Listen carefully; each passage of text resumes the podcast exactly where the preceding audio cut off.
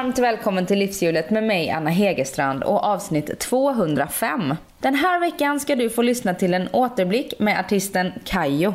Hon gästade mig i avsnitt 50 och då vi såg sist för tre år sedan skulle hon fylla just 50. Sen dess har livet ändrats för Kayo som bland annat blivit singel och flyttat till mina kvarter runt Mariatorget i Stockholm. I höstas släppte hon sin platta Sisters in Crime.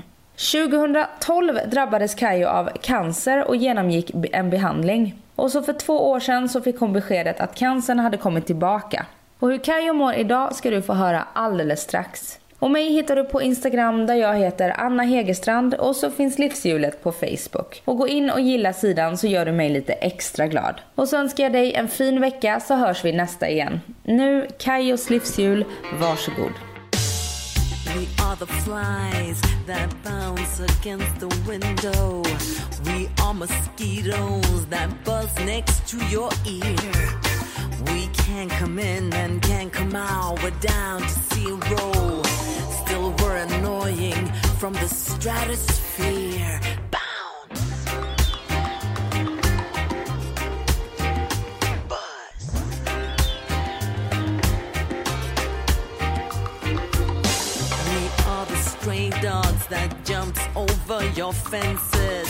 Välkommen tillbaka till livshjulet Kajo. Tack så mycket. Hur mår du? Jag mår bra. Eh, det är vår med allt vad det innebär. Eh, jag älskar våren så att jag, jag tycker att eh, jag mår förhållandevis bra mitt i all pollen och mm. förkylning och så här. Mm. Är pollenallergiker? Ja, precis som alla andra. Mm. ja, det känns som det. Jag blev det när jag fyllde 18. Ja. Det verkar som att det kan komma mitt i livet. Liksom. Mm. jag har haft det sedan jag var liten, så jag är helt van. Det är bara så, ah, okej, okay, då får man ta lite så piller så, så blir det bra. Men det, det blir fler och fler. Det kanske är alla e-ämnen vi äter mm. eller något. Men jag vet ju att du är väldigt noga med din kost så att mm. kanske inte har med det heller Nej, precis. Mm. Men du har aldrig funderat på att ta en spruta? För det har jag hört att man kan göra. Ja, nej, eh, det har jag faktiskt inte funderat på. Det kanske man ska göra. Fast jag tycker inte att mitt är så himla... Liksom, jag blir inte jättedålig. Man är bara lite sådär, som jag brukar säga, lite luddig i mössan. Liksom. Mm. Men det är inte så att jag lider av det jättemycket som vissa människor som inte kan jobba och tycker det är supertufft. Mm. Så att, eh, det räcker med lite receptfria piller. Det var härligt att se nu när du tog av dig jackan tycker jag. Eh, du har ju en så knallrosa skjorta på dig. Ja. En sån här färg som jag aldrig skulle kunna, kunna ha. okay. Den skulle inte vara till min fördel så kan vi säga. Eh, och jag är ju helt i princip, nu har jag vitt på mig, men du vet svart kappa, svart svarta byxor, svarta skor. Jag tycker det är så härligt när eh, det kommer in lite färg. Ja, tack. Jag tycker du ser fantastisk ut för den delen. Eh, men jag kände också att jag behövde lite färg idag. Mm. Man blir ju glad av färg faktiskt. Mm. Eh, jag är också sådär så att jag gärna har svart på mig. Det är det där att man behöver någon typ av säkerhet liksom. Men färg blir, blir saker och ting blir bättre av lite färg. Mm. Överhuvudtaget. Och hur mycket färg har du i ditt liv just nu då? Eh, ganska mycket färg måste jag säga. Eh, jag eh, bor ju vid Mariatorget och jag gick rakt genom torget och såg blomsterstånden där och kände att och de kan jag se från min balkong. Mm. Och, jag vet precis vilka du pratar om. Eller hur? och bara liksom kunna titta ut eller gå förbi och se alla de här fantastiska kreationerna som eh, ja, högre makter naturen har skapat. I alla dessa färger och former. Det, det ger sån enorm energi. Eh, och det, för mig så, jag fick en, en känsla av tacksamhet i morse. Och att så här, wow, häftigt att kunna få njuta av det här varje dag. Så att det Får man, får man börja dagen med det där, då tror jag att man tar med sig färg resten av dagen. Eh, faktiskt, även om det regnar och tråkigt. Men lite sådär, mm. eh, ja, jag har bra färgskala just nu, tycker mm. jag. Och sist, vi, eh, sist du gästade Livshjulet i mm. avsnitt 50, ja. nu är vi uppe i 205. Helt otroligt. Ja, eh, då så letade du och din sambo, mm. ganska nyblivna sambo då, eh, efter er drömlägenhet. Bostad, det är den trädje tårtbiten. Mm. Den skulle jag väl kanske lägga eh, på en sexa i poäng just nu. Varför då? Jo, eh, mer för att eh, jag precis har blivit sambo, jättehäftigt, kul. Men vi letar efter nytt boende. Så kan man säga det. Så att det här med att hitta dröm, drömboendet, det ligger fortfarande framför oss. Men Mm. vad är drömboendet då? Terrass. Men i stan? Ja. Lägenhet i stan? Ja, Södermalm. Eh, Men, men att hitta det där. eh, Jag träffade en kollega idag som, som de letade en lägenhet och så när man kommer in i ett boende eller en potential och så säger man Ja men här är det ju. Där är jag inte riktigt ännu. Eller vi. Men vi letar. Så en sexa får det bli. Just det. Och du, för ni bodde på ganska liten yta då, så att du, ni behövde större Ja, eftersom ni skulle bo ihop. precis. Just det. Är det här drömlägenheten nu ni har hittat vid Mariatorget? Nej! Fasen också. Nej, det är det inte. Ehm, vi hittade aldrig någon lägenhet eh, och dessvärre så, är vi inte ett par längre. Men det är helt okej. Eh, men eh, eh, nej. Men jag letar fortfarande efter min drömlägenhet. Jag har drömläget. Så långt har jag kommit. Ja, nu behöver jag det det. större. Ja, precis. Nu behöver jag bara lite större. Eh, men saker och ting uh, händer ju i livet. liksom. Eh, och för oss så blev det inte riktigt som, som vi hade tänkt oss. Men det tar man med sig på resten av sin resa. liksom. Och det har ju hänt en del i ditt liv de senaste tre åren. Ehm, som jag tänker att vi ska prata om. Ja. Ehm, vad, vad skulle du säga är den största skillnaden på Kajo som sitter här idag och för tre år sedan? Din, det avsnittet sändes ju dagen innan din 50-årsdag. Det känns ju också, det känns väldigt länge sedan. Och nu har du hunnit fylla 53. Ja, För det är den 17 april va? ja precis. Oj. Eh, det som jag tänker på mest menar du, eller reflekterar över så här. Ja, det har ju hänt en hel del. Jag tror, det jag reflekterade på bara häromdagen är att ju äldre jag blir, eh, men jag tror att det är många som kan hålla med om det, det är det här ganska behagliga lugnet som faktiskt infinner sig. Eh, Ängsligheten som man hade när man var yngre, eh, den avtar på ett ganska trevligt sätt. Jag hörde en, jag hörde en eh, det var någon vetenskaplig eh, Ja, det var någonting som jag i alla fall fick höra på nyheterna om. Vi har en körtel i hjärnan som heter amygdalan. Och den styr enkelt sett vår ängslighet. Och den är som mest aktiv när man är i tonåren och upp till 40 sådär. För att man ska liksom prestera och liksom vara på topp. Och sen avtar aktiviteten på den när man blir äldre. Och det, jag tror att det är precis det som händer. Att man blir lite coolare. Saker och ting behöver liksom inte vara så himla viktigt. Och man kan kosta på sig att misslyckas och, och våga testa grejer utan att det betyder så himla mycket. Och det njuter jag av just nu. Tror du det handlar också om erfarenheter? Man, man samlar ju på sig erfarenheter och man inser att livet är inte över även fast man tror att det kommer ta slut. Ja, självklart är det så. Eh, mm, erfarenheterna som vi samlar på oss och som jag samlar på mig eh, stärker en ju, helt klart. Jag tycker inte att det är någon, någon erfarenhet som jag har haft eh, som har försvagat mig. Utan varenda erfarenhet har faktiskt stärkt mig. Eh, sen att man kanske inte tyckte det precis där och då. Men eh, med lite, lite perspektiv så är jag och, eh, tacksam för, för de erfarenheterna som jag har fått.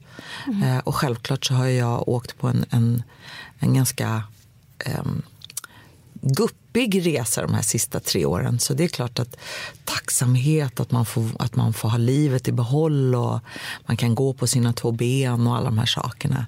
Det är klart att det, blir, det ligger rätt högt på agendan. Ja, men det förstår jag. Eh, Men det är också det är också någonting som man kan vara tacksam för menar jag. Istället för att vända på det och, och bli bitter och sådär. Så att jag försöker vända allting till någonting positivt. För det är ju ett, ett par år sedan, knappt ett par år sedan, sedan du eh, fick tillbaka din cancer, livmoderhalscancer. Ja, det kan man säga. Jag fick... eh, Ja, det är ju tre år sedan, precis innan jag fyllde 50 där som jag... eh, Eh, då fick jag livmoderhalscancer och sen så för två år sedan då, eh, snart, så fick jag tillbaka... Eller jag fick... Eh, och det där vet man ju inte riktigt, men jag fick i alla fall cancer i lymfkörtlar i min vänstra ljumske. Och det kan ha att göra med, med de tidigare eh, liksom, prognoserna eller inte, det vet man inte. Men så att säga, jag fick i alla fall tillbaka eh, cancern och det var inget kul förstås. Ehm, Och det kan jag rekommendera lyssnarna också. Eh, att lyssna på Anna Bensons Cancerpodden där du pratar om det.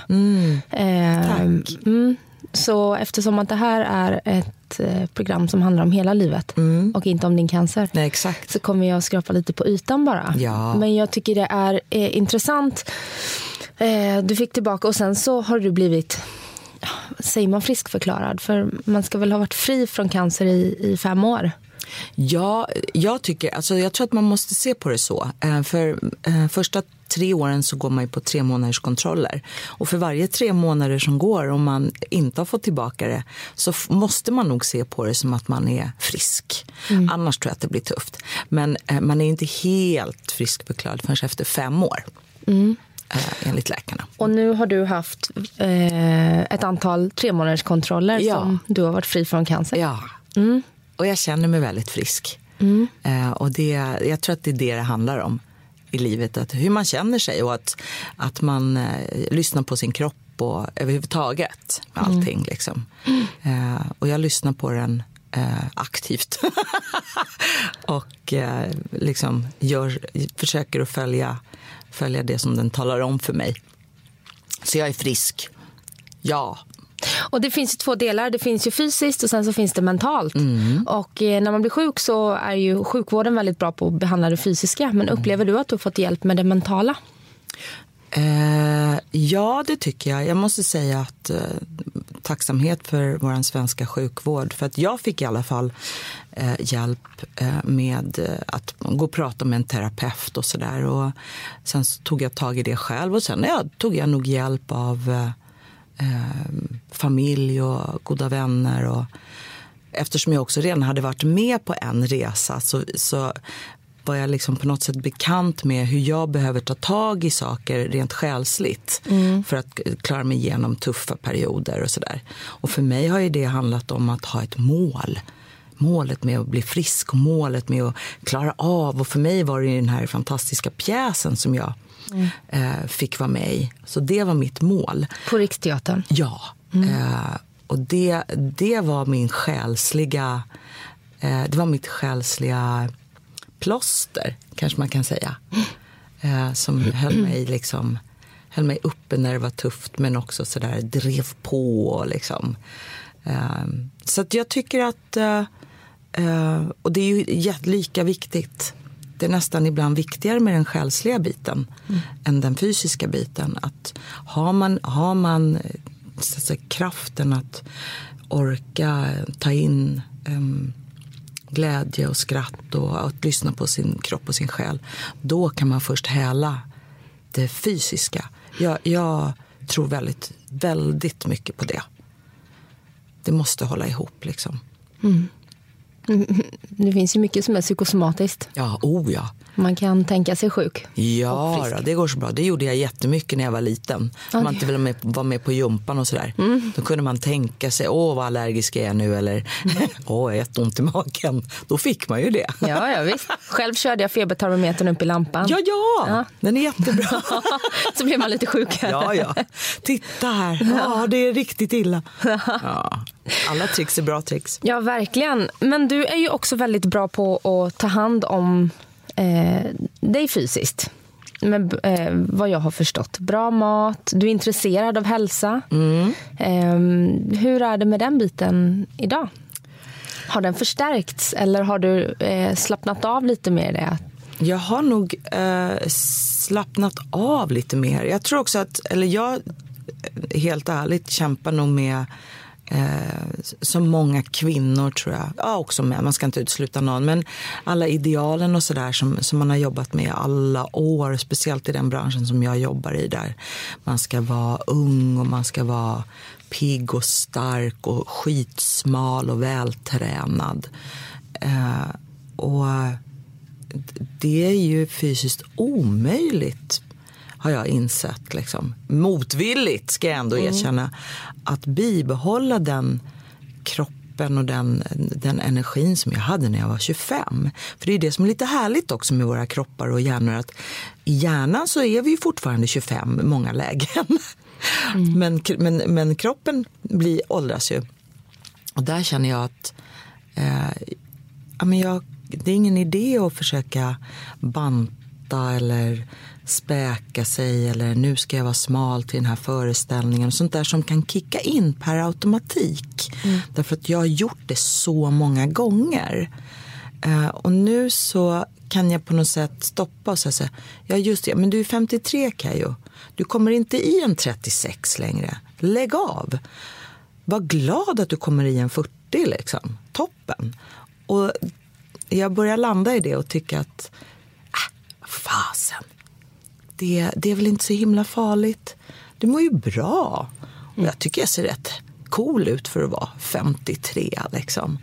Mm. Um, men jag, jag, tror att du fattar vad jag menar med mm. de här idealen som man kämpar med hela livet. Jag förstår väldigt väl. Och så eh, vet jag ju att du eh, drabbades av eh, ätstörningar när det gick som bäst för Afrodite och ni vann ja. Melodifestivalen. Ja. Eh, och man har kunnat läsa att du fick hjälp av Blossom då, som också är en ja. hälsoprofil. Liksom, Som också står för det här verkligen sunda. Eh, jag har själv haft ätstörningar, eh, anorexi och gått i behandling för det. Okay. Det här var när jag var yngre. Mm. Jag var inte 14, eh, men jag var runt 20. Mm. Eh, och då så läste jag att ja, men sen så träffade du kärleken och det hjälpte dig liksom att komma ur eh, det. Mm. Eh, vilket för mig kändes som, hade jag träffat kärleken så hade inte det spelat någon roll. Nej, okay. För att jag satt så fast i det. Jag gick i behandling och det tog väl ja, väldigt, väldigt lång tid för mig att komma bort från det. Och jag mm. anser att när man väl har haft den där lilla jäveln i dig så sitter den kvar. Den sitter på axeln. Ja, och vad, eh, vad har du för förhållande till din lilla jävel? Uh, den sitter ju kvar. Mm. Och, och, som sagt var, just den där eh, som jag brukar säga, kråkan på axeln i, i, kombination med att man fortfarande vill vara ung och orka och göra alla grejerna, den här 25-årshjärnan. Mm. De två i kombination är ju de som jag som 53-åring måste prata med. Mm. Jag måste komma ihåg att jag är 53. Och när jag gör det och ärligt vågar se mig själv i spegeln eh, och, och se se mina skavanker och se mina ärr och se mina vad det nu är för någonting som, som min, min livsresa har, har gett mig. Eller som man, man, jag tycker att det är bättre att säga gett än drabbat. Mm. Så att, att eh, våga se sig själv i, i spegeln och säga så här wow, vad häftigt. De där, den här kroppen har fått vara med om eh, jättemycket saker, tuffa grejer och se hur stark stark du är, Kajo. Att våga klappa sig själv på axeln och säga, vet du vad, kråkan? Det, det är dags för dig att, att steppa tillbaka. Eh, du har ingen plats här längre. Men det är ju ett dagligt arbete. Mm. Det är ju det. Det går liksom inte att eh, tror att det där försvinner. Därför att det som pågår runt omkring oss är så enormt starkt. Det är så... Det var som eh, regissören för En druva i solen sa. Hon har en son som är eh, 11 år gammal. Och när han såg de här enorma rullaffischerna som man ser i tunnelbanan här i Stockholm på gladiatorerna så var de, de är ju tredubbelt större än vad han är i storlek. Det är ju det man kämpar med, både fysiskt, den här enorma, jättemuskulära, muskulösa eh, riktiga människan som han ska kämpa med, som, är, som den här lilla människan. Det omsluter en på ett sätt som jag tror är jättesvårt att värja sig mot. Um, omge sig själv med, med sunda människor och sunda värderingar. Jag läser inte eh, så mycket tidningar längre och jag, jag liksom försöker liksom fylla livet med sunda grejer istället för att gå på de här liksom annonserna. Och jag ska inte, liksom alla får göra som man vill, men för min del så handlar det inte om... Jag, jag gillar det inte. Jag gillar inte tv-program där man blir utesluten. Jag gillar inte liksom, tävlingar där någon ska vara bättre än någon annan. För att jag tror att det är där det börjar då börjar man ställa krav på sig själv som, som jag tror är lätt blir orimliga. För vi är alla varsina individer. Vi är ju liksom, det finns bara en av oss, som Eva så vist sjöng. Mm. Och det är det man måste se på. Det finns bara en av mig. Och jag är unik liksom. Um, det kanske låter flummigt, men jag tror att det är så. Mm. Och kråkan får, får gå tillbaka till skogen och snacka med sina egna. Men uh, den har inget på min axel att göra. Så mota undan den hela tiden. När är det du upplever att den uh, kommer tillbaka och blir större? Um, uh, jag tror att för mig handlar det om de här, åh jag har fått en ny roll eller jag har fått en ny, jag ska släppa en ny platta eller jag ska vara med i något tv-program. Där är liksom den här offentliga sidan. Mm. Då kickar det igång per automatik. Mm. Ibland också nu som singel sådär om jag ska gå ut och gå ut med mina tjejkompisar och man ska bli betraktad. Och um, um, vad heter det? Man ska bli betittad liksom, på ett sätt. Övervägd om man är något eller inte. Mm. Då tror jag att det där kickar igång på mig. Duger jag? Jag måste banta. Och har jag tränat tillräckligt? Och, och de här, alla andra är mycket snyggare, mycket mer vältränade än vad jag är. Och... Tror du att, eh, eller tycker du att, att vara en offentlig person mm. är jobbigt i det avseendet? Ja, det tycker jag. Det tycker jag. Och det är ingenting att hymla om. Eh, därför så tror jag också att jag har dragit mig tillbaka från det offentliga mer och mer. Det, är väldigt det blir mer och mer ointressant för mig eh, om inte jag får göra en sån här intervju där man kan prata om riktiga saker. Då, då är det intressant. Men just Plus att det är radio också. Ja, exakt. De slipper se en. Ja, eller du slipper visa dig för dem. Ja, precis. Utan att det som, som känns re relevant och viktigt, det är det som får, får komma fram. Liksom. Eh, men det är nog just att bli betraktad som jag tror att vi alla känner oss, okej, okay, duger jag? Duger jag i det här sammanhanget? Och då kommer de där, de där tankarna, mörka tankarna eller eh, ja, kråkan som sagt kommer fram. Och det är då man måste säga så ja, jag duger. Det är därför du är här, Kajo. Du är här för att du duger. Eller om jag inte duger för dem så duger jag för mig själv. Och det är det viktigaste. Det tror jag är, är viktigt att komma ihåg. Mm. Och du sa det att du har dragit tillbaka dig från det eh, offentliga mm. lite mer. Mm. Eh, hur, hur, ser eh, din situation ut idag? Vad, vad jobbar du med till exempel? Sist så sa du att 30 procent jobbade du som eh, hudterapeut. Ja, precis. Du är sångerska, dansare, skådespelerska, programledare och hud och spaterapeut. ja. det, det är lite så här spridda... Ja. Mm. Kul, då tröttnar man väl aldrig på sitt jobb kan jag tänka. Nej, eh, och jag tror också att ju äldre man blir eh, så tror jag att man också blir kunskapstörstig på lite olika saker. För jag tycker att, för mig är det jättenaturligt att hud och spaterapeut hör ihop med nöjesbranschen. Men det kanske inte är för, för dig. Nej. Men eh, det, För ja. dig som står på scen så kan jag tänka mig att skönhet är väldigt viktigt och smink och allt sånt där. Mm. Jag sminkar mig inte så mycket och älskar att gå osminkad. Ja. Jag är nog lite lat tror jag. och det är ganska praktiskt att inte sminka sig. Jag sminkar mig inte heller eh, privat om jag inte står på scen.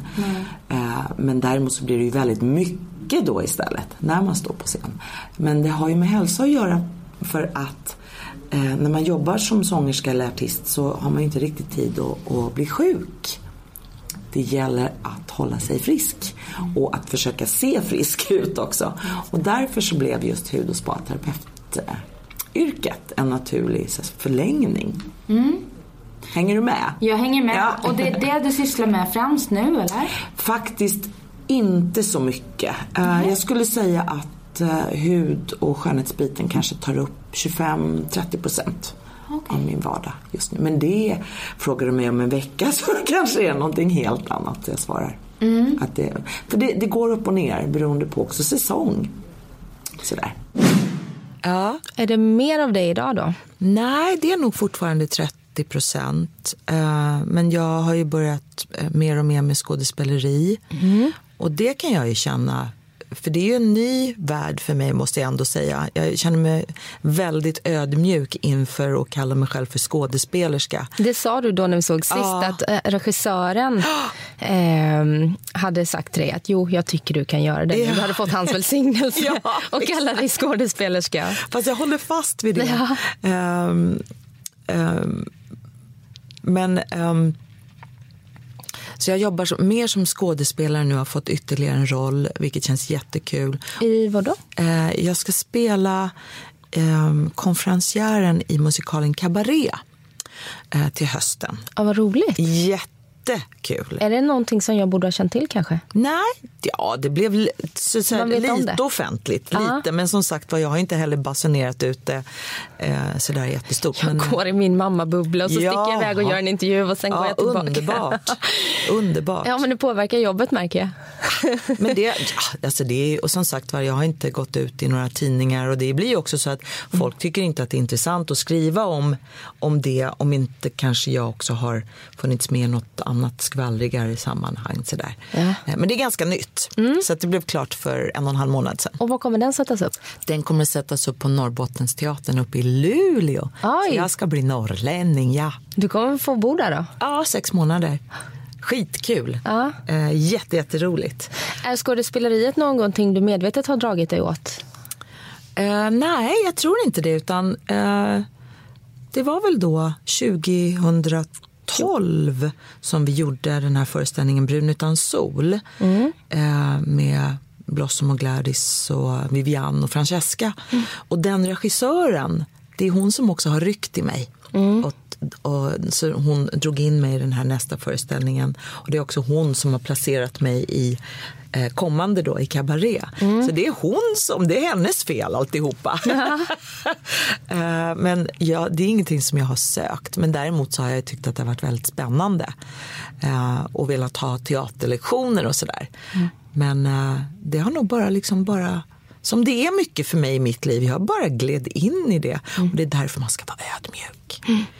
Och inte säga här, nu är jag värsta skådespelaren. För att, det tycker jag inte att det är det krävs några fler föreställningar innan man kan säga att man är en, liksom en erfaren skådis. Det var du som sa det. Ja, jag håller fast vid det. För du har ju en platta som ligger ute också som du släppte i höstas. Ja. Sisters in crime. Ja. Mm. Och det känns ju också lite mer relevant med tanke på att jag kanske inte vill gå ut i offentligheten lite. Alltså det där med att, för mig kändes det viktigare att göra en platta som handlar om lite mer viktiga saker, för mig i alla fall. Prata om feminism och prata om, om rasism och utanförskap och sådana saker som, som eh, jag tror vi tyvärr ser mycket mer av eh, och som jag känner är viktigare att prata om. Och i, i eh, min värld som artist har det inte varit lika intressant att sjunga om eller intressant att prata om. Så det är också ett val som jag har gjort att göra en platta som känns ja, lite mer politisk kanske. Och där huvudsyftet inte är att vara så kommersiell att Exakt. man säljer så mycket som möjligt. Exakt. Uh, så att det är också kanske ytterligare ett steg i det där att, att kliva tillbaka lite, att inte behöva eller måste vara med i rampljuset till vilket pris som helst. Utan jag gör det som jag tycker känns viktigt och hoppas på att eh, tidningar och media och sånt ska tycka att det är intressant och bra naturligtvis. Det är klart att jag vill bli väl mottagen. Mm. Men, men inte på bekostnad av eh, den här bekräftelsen och att jag finns. Liksom. Du är inte bättre än din senaste hit och såna här saker. Det skiter jag i nu för tiden. Utan eh, viktigt att och kanske kunna föra vidare någonting till nästa generation. Eh, och att jag kan så säga, vika in klövarna som jag brukar säga. Mm. och ha gjort någonting som kan ha påverkat andra på ett positivt sätt. Det blir mer och mer viktigt. Mm. Med åldern också, tror jag. Mm. och hur har det påverkat eh, Hur har det påverkat ditt jobb? Att du eh, har tagit det här beslutet? Uh, hur har arbetssituationen förändrats? Liksom? Alltså det, det, eh, det är klart att jag inte jobbar lika mycket som jag kanske skulle ha kunnat göra. Men å andra sidan så jobbar jag mer med det som jag vill göra. Eh, att göra ett aktivt val och säga nej till eh, vissa typer av scener. Eller, Vilka då till exempel? Jag blir nyfiken. Och det, jag säger inte att det är någonting dumt eller dåligt i det, men för mig så uh, är det inte intressant att stå i ett köpcentrum uh, och sjunga Disco Inferno och få jättebra betalt. Det är inte det. Uh, för pengar är inte så viktigt för mig att tjäna skitmycket pengar på. Och jag får bara ont i magen av det. Mm. um, så det har jag valt bort aktivt. Är det för att det utåt sett anses misslyckat att okej, okay, där står hon i ett köpcentrum och sjunger en gammal hit? Både ja, både ja och nej. Jag tror att det är klart att eh, det känns misslyckat beroende på vem du jämför dig med. Mm. Om du jämför dig med våra st stora artister som Thomas Ledin eller som, som nu sätter upp på Cirkus igen tror ja. jag. Mm. Ja, det är fantastiskt. Mm. Men han skulle inte stå i ett köpcentrum. Nej, för uh, han behöver ju inte. Han behöver inte det. Uh, visserligen så skulle jag kanske behöva det då och då. Men jag väljer ändå bort det. Och det är därför det är så härligt att kunna ha ett jobb till. Då jobbar mm. jag hellre eh, med skönhetsbiten och, och som jag tycker är otroligt meningsfull. Att få komma nära människor och ha djupa samtal och, och liksom både fysiskt komma nära en person. För då blir det så himla mycket mer personligt. Det känns ju mycket häftigare för mig än just köpcentrumet. Det känns ju också väldigt smart att inte lägga alla ägg i samma korg. Exakt.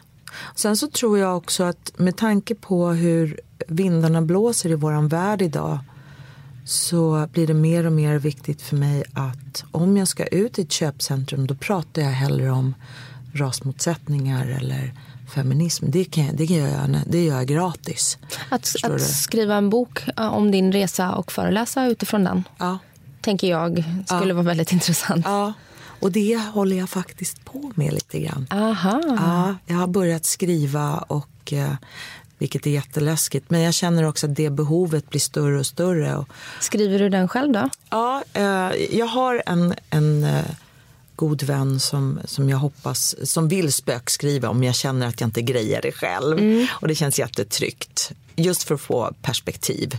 Um, och det är precis det du säger, att jag hoppas och, och det är fler som säger, skriv en bok här Du är en av de första eh, i den svarta generationen i Stockholm, Sverige på 60-talet. Och se resan eh, därifrån till nu och hur var det för dina föräldrar och hur blir det nu för, för din brorsdotter? Liksom, det finns saker att prata om och som jag tror kan vara intressanta för andra. Ja, och just det här hur ni var ett antal personer med utlandsfödda föräldrar mm. eh, som satte musikscenen. Ja, det är ju skithäftigt. Ja. Eh, för mig som inte, jag föddes ju ett tag därefter liksom. Ja. och var väldigt liten när ni var som allra störst. Ja. Min mamma lyssnade ju väldigt mycket på dig liksom. och det var ju genom henne som som jag lyssnade på dig. Och sen när man fortsatt själv. Men det är, det är helt jätte... fantastiskt. Ja, det, och det är ju superintressant. Ja, jag tror att det är det. Precis, för att det är både ur ett uh, musikaliskt perspektiv mm. och där kan man ju bli otroligt ytlig och härlig och vilka klubbar och mm. jag turnerade ju runt min första turné som jag gjorde med Lena Maria Gårdenäs.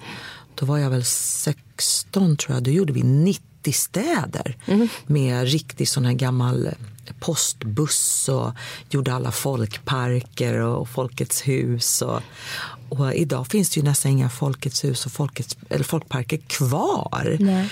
Bara den dokumentationen och se liksom vilka ställen som fanns och mm. hur man klädde sig och vilken musik som gällde och hur vi påverkade till också de mindre trevliga sakerna som hände eh, på grund av okunskap och illvilja och såna saker. Så det finns många, det finns eh, mycket att spänna över mm. som, jag, som jag tror är rätt intressant att, att läsa om, hoppas jag. Mm, absolut. Mm. Och hur, hur ser du, om du får titta liksom fram fem år, mm.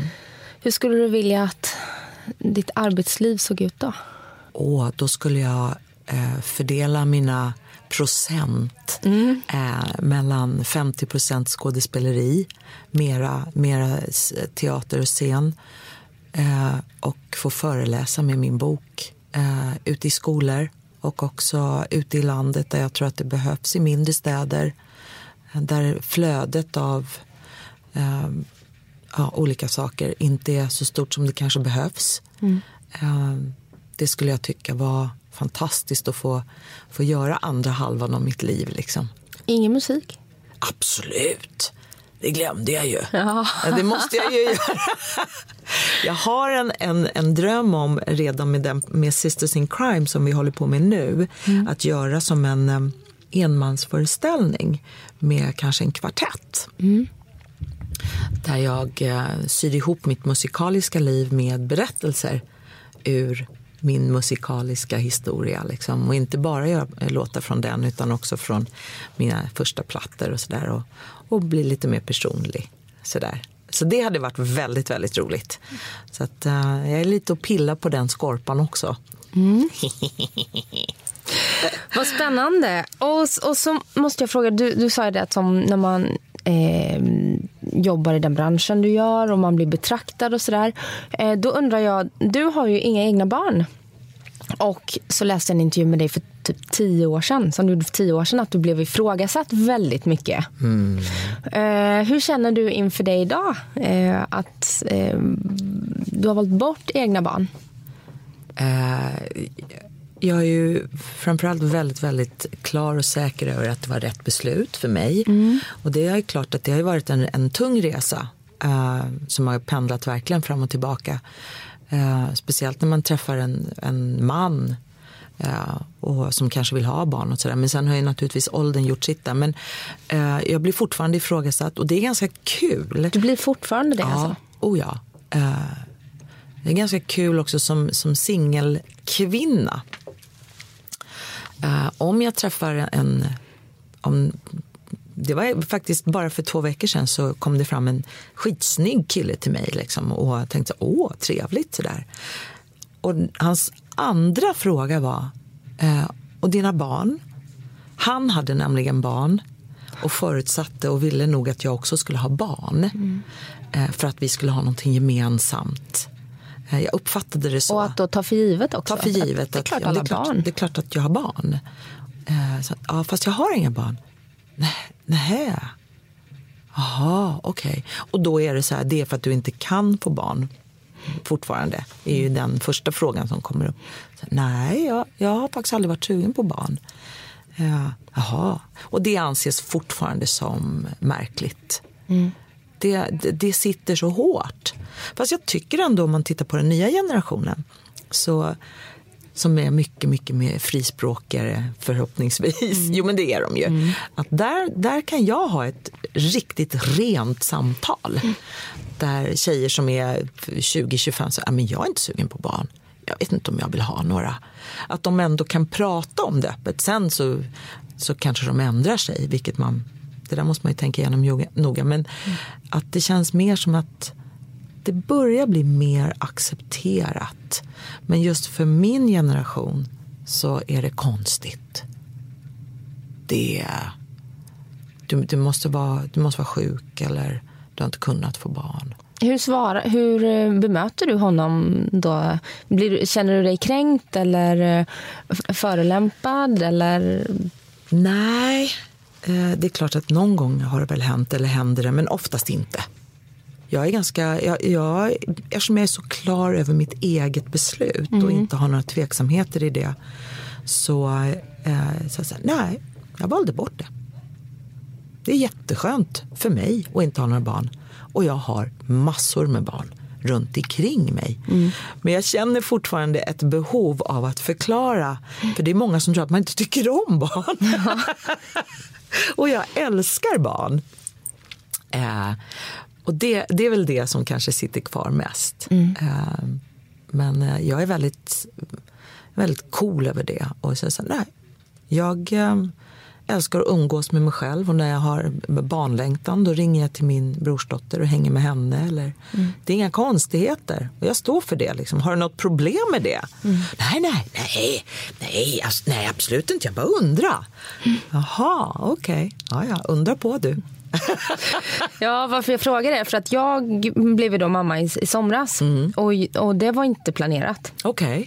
Totalt oplanerat och jag har ju inte heller haft någon barnlängtan mm. och blivit väldigt ifrågasatt av det. Ja. Eh, och Hur liksom, gammal är du? Du? 35 fyller jag år. Ja. Så jag är ju inte heller, eh, har inte gått förbi åldern då jag kan bli mamma. Man kan ju ändra sig som sagt. Absolut. Eh, men det är nästan lite som att folk eh, som har barn, mm. särskilt mammor, nyblivna ja. mammor, mm. är så här, när, när ska du börja ditt riktiga ansvarsfulla liv? Exakt. Och, och, och, och sluta vara så egoistisk och bara tänka på dig mm. själv. Mm. Medan jag tycker att det kan vara det mest egoistiska man gör, att sätta människor till världen i den värld vi lever i just Exakt. nu. Jag, jag hade supermycket ångest ja. precis när min son var född. Ja. Att vad är det jag har gjort? Ja, ja, ja, ja. ja. Så att, eh, ja, det är lite intressant att, att eh, ja, fråga ja, andra ja, precis. kvinnor. Som... Misery needs company lite grann. Mm. Eh. Faktiskt. Ja, eller hur? Att mammor håller ihop och ja. liksom, man förstår inte varför man inte vill vara med om den här... Nej. Nu är inte jag mamma själv, men jag vet inte om du har upplevt det att, eh, att bli mamma, man pratar inte lika mycket om, om just de här de ängsligheterna och oron som man har runt omkring. Precis som du säger, mm. att sätta ett liv till världen. Det ansvaret mm. som man har. Det, det, ska, det pratas mer om det fantastiska och härliga. Liksom. Men mm. just oron verkar inte vara lika högt på agendan. Nej, det är inte det. Det pratas mer och mer om den, tack och lov. Mm. Eh, men ja men eh, jag tror att det är väldigt många som går runt och känner mm. skuld och skam över att man inte mm. är den här lyckliga mamman. Då. Ja. Jag har en av mina bästa vänner, hon är tio år äldre än mig, hon har två barn. Eh, och under de åren när jag fortfarande ifrågasatte mig själv, eller jag, jag var tvungen att ransaka mig själv, ska jag säga rätt ord. Mm. Vill du ha barn Kajo eller inte? Eh, så var det väldigt, väldigt uppfriskande att prata med henne för hon var väldigt verbal mm. över just det där. Ibland hatar jag mina barn. Jag står inte ut med dem. Och att hon vågade sätta ord på när de var små. Att så här, kan no jag ger bort dem. Mm. Jag vill inte ha dem. Vad har jag gjort? Mm. Eh, de bara skriker och, och, jag känner inte igen min kropp. Och alla de här sakerna som, som jag inte hörde någon annan mamma säga. Nej. Eh, och för mig var det väldigt, väldigt liksom, uppfriskande att få höra att det är inte bara liksom, rosenrött. Eh, men, men också sådär, ja men vad skönt att få höra det. Då kan jag också ta med det i, min, i mina frågeställningar gentemot mig själv. Mm. Är det här någonting som, som jag vill gå igenom eller orkar jag det eller vågar jag det? Mm. Eh, rannsaka sig själv varför man inte vill ha barn. Det är ju liksom den stora frågan. Mm. För många är så ah, jag bara känner så här att det, så här, det pockar ägg i stockarna. Liksom. Men det har aldrig gjort det för mig. Mm. Uh, och det, jag kan kanske också säga att jag har haft så himla kul. jag har haft ett fantastiskt liv mm. och kunna verkligen fräsa iväg och sticka till USA och jobba två år och liksom nej men nu sticker jag dit eller på semester dit eller jag kan sova hur länge jag vill och, och sådär. Uh, och det har varit värt allt för mig. För mig, jag skrev tre ord på nyårsafton i år som skulle få vara min affirmation för 2017. Mm. Uh, fri, dansa, skriva det var de affirmationerna som, som kändes, det vill jag utveckla. Och frihet har alltid varit otroligt viktigt för mig. Och det, det är därför jag inte har skaffat barn. För mig har fri, friheten varit större än barn på något sätt. Mm. Upplever du att du känner dig mer fri nu när du är singel än när du lever i en relation? Just nu, ja. Mm. Å andra sidan, så, så när man är i en relation som är väl fungerande och där man, där man, man älskar varandra så känner jag mig väldigt fri också. Eh, det finns en enorm frihet i att kunna luta sig mot någon annan och friheten av att kunna bolla allting med, med den som man litar på till 100 procent. Att inte behöva ensam ansvaret? Ja. Eh, så att Eh, men, men det, det förutsätter ju också att relationen fungerar, att den är eh, som den ska. Mm. För att vara i en relation som inte fungerar, det finns ju ingenting i min värld som är så himla fängslande på ett dåligt sätt mm. än det. Då är jag hellre singel som, som du förstår. Och vad, vad, skulle, vad tror du att eh, den personen som du träffar, vilka egenskaper behöver finnas för att du ska känna att att det, här är något funka. att bygga på, ja. eller ens börja bygga på. Jag tror att, att frihet är för, för min potentiella partner i så fall också är en förutsättning. Eh, att den personen kan känna sig fri själv och fri med mig eller min partner. Um,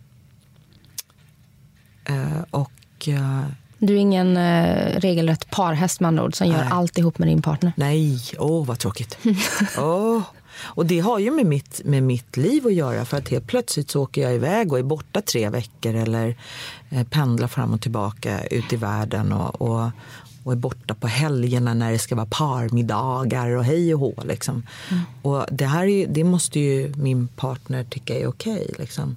min, min, mitt ex var fantastisk med det och dessutom fick jag ju två bonusbarn. Mm. Eh, som också var otroligt utvecklande och härligt för mig. Liksom, och, eh, känna den friheten att det, det, sitter inte någon på kammaren och väntar på mig när jag är ute och liksom fräser och gör det jag tycker är skitkul. Utan de har sina grejer. Liksom. Mm. Båtar och bilar och eh, odla grönsaker och sådär. Men jag tror en, en man som, som känner sig fri och som tar egna initiativ och Eh, är, älskar att resa och äventyrs, eller har en äventyrslust. De gemensamma grejerna måste man ha, tror jag. Mm. Annars blir det väldigt... Jag tror inte det fungerar. Nej. Höga krav, va? Mm. Som sig bör. Ja, det tycker jag. Det kan man kosta på sig. Ja, är du öppen för att träffa kärleken igen? Uh, ja, absolut. Om, om det känns rätt. Men jag har, liksom, jag har heller aldrig haft ett liksom, problem med att umgås med mig själv. Eh, och jag har ett jätterikt liv med mina vänner och mitt, mitt jobb och sådär. Så att jag är inte särskilt ute och letar och står på skilsmässohyllan på olika typer av klubbar och, och hoppas. Det, det känner jag inte. Utan Nej. händer det så händer det. Mm. Och dansa då? Det oh. ordet du skrev. Oh. Vad står det för? Det står för eh, att också våga göra de där grejerna som man har varit för ängslig för att göra förut. Jag är ju gammal dansare och har liksom inte kunnat tänka mig att anmäla mig på någon dansklass. För att prestigen och så här, åh nu måste jag prestera.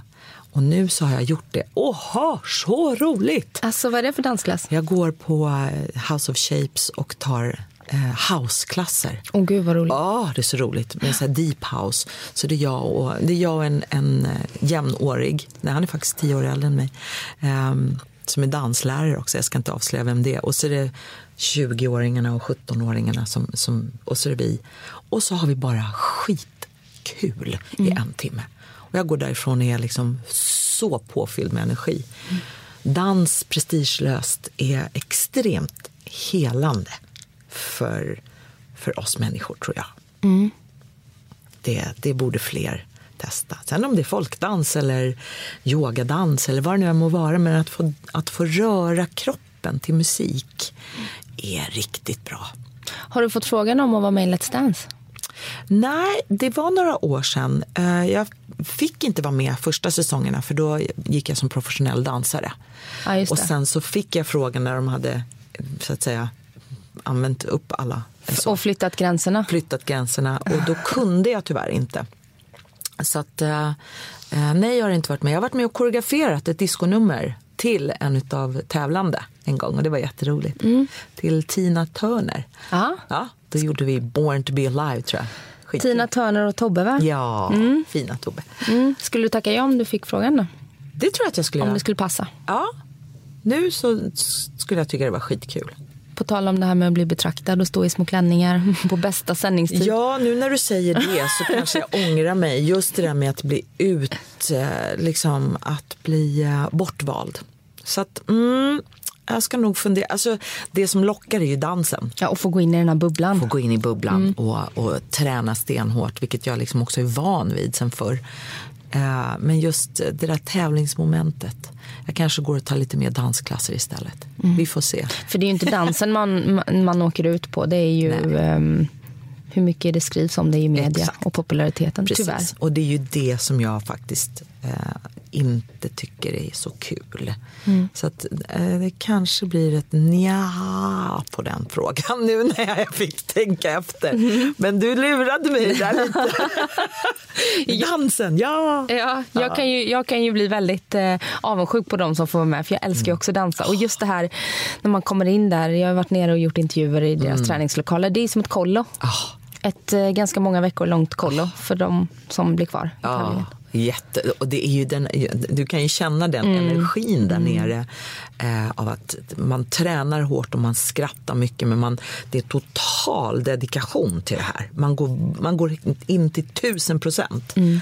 och det är väldigt, väldigt roligt. Mm. Och det är lite grann som att vara med i en produktion, eh, en teaterproduktion eller sådär att man, liksom, man går in i den här bubblan och lever och andas det här. Eh, och gillar man den typen av utmaning, då mår man skitbra mm. i det där sammanhanget. Mm. Du, vad tror du på? Wow! Eh, jag tror att jag, jag, Du frågade säkert mig det sist. Eh, men jag tror på... Jag känner mig väldigt andlig. Jag brukar säga att det finns en vetenskaplighet i den där andligheten. Eh, jag är väldigt mycket för bevis. Mm. eh, så långt som det går. Ja, kvitton på att... Ja. Um, och det tror jag att man får. Um, men jag, det är självklart att jag tror på, på att det finns en... Någon, jag börjar luta åt Gud faktiskt. Jag tycker att Gud är en ganska bra grej. Um, jag tror att vi behöver någonting som är större än oss själva eh, och hänga upp vår tillvaro på. Um, och att det finns också... Det här är en stor fråga, men, men för mig så känns det extremt viktigt att det finns någonting som är helt och fullt gott. Att det är ren eh, kärlek. Och det väljer jag att tro på. Mm. Uh, och hur det ter sig, eh, vilken form det, det, det ter sig i, det är inte så viktigt för mig. Eh, att det kan vara en människa som, som ler åt en eller som ger en en present eller ett ja, tacksamhet över blommorna eller sådär. Men just hundraprocentig villkorslös kärlek, eh, det tror jag på. Och det behöver, jag älskar numera att gå in i en kyrka. Kyrkan som vi har där vid Mariatorget mm. som är nyrenoverad, den så fin. Mm. Och sitta där och meditera i tystheten och i, och i renheten som jag ändå tycker att gamla kyrkor förmedlar. Eh, och jag vill inte komplicera det mer än att eh, säga att ren kärlek är fint. Religion spelar ingen roll vad det är för religion, bara det är, är rent och gott. Um, jag tror att det är svaret på frågan. Mm. Kärlek och godhet. Mm. Och så märker man hur, hur många som börjar skaffa husdjur. Har du husdjur? Ja, precis. Eftersom jag är en sån turnétralla mm. så har jag skaffat guldfiskar. Ja, det... ja. ja de klarar sig själva ett par timmar. Ja, de behöver ta mat på tre dagar. Så. Har du med dem i en liten sån här påse? Ja, jag tänkte inte så långt. För nu måste fick jag det här jobbet i Luleå. Vad ska jag göra med mina fiskar? Du kan oh. kanske ha dem i bhn i någon sån här... Ja, men hur? hur ska det gå i, i säkerhetskontrollen där? Jag tänkte tanken. Men annars så får väl min syster, eller min brorsdotter, får kanske ta hand om fiskarna. Eh, framåt augusti. Men tänk på det, att det är fler och fler som skaffar hund. Mm. och det tror jag är den där påminnelsen om villkorslös kärlek. Mm. Jag vill tro det. Kalla mig naiv, jag kan kosta på mig det. Men att vi behöver bli påminda om eh, kärlek.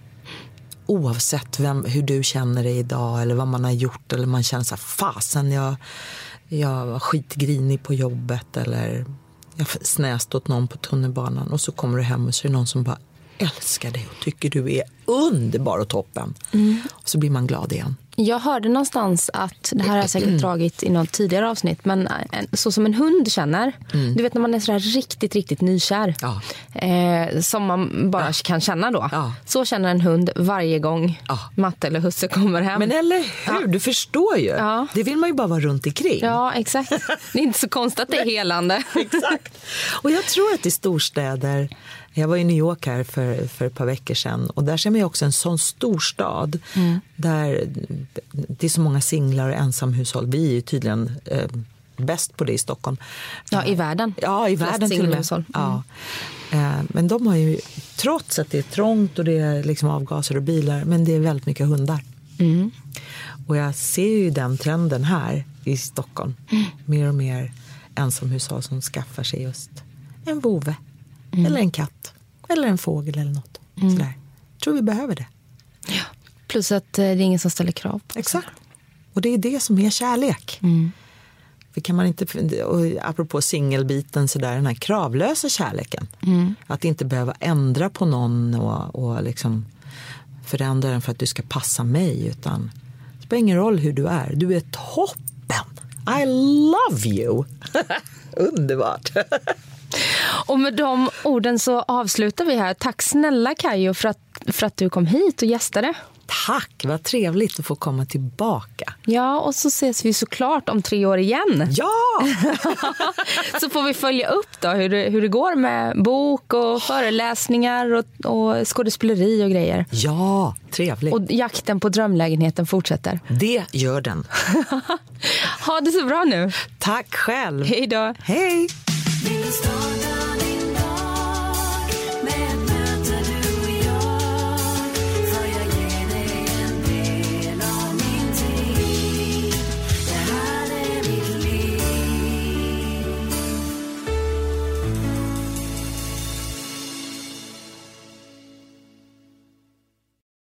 Med Hedvigs hemförsäkring är du skyddad från golv till tak oavsett om det gäller större skador eller mindre olyckor. Digital försäkring med personlig service, smidig hjälp och alltid utan bindningstid.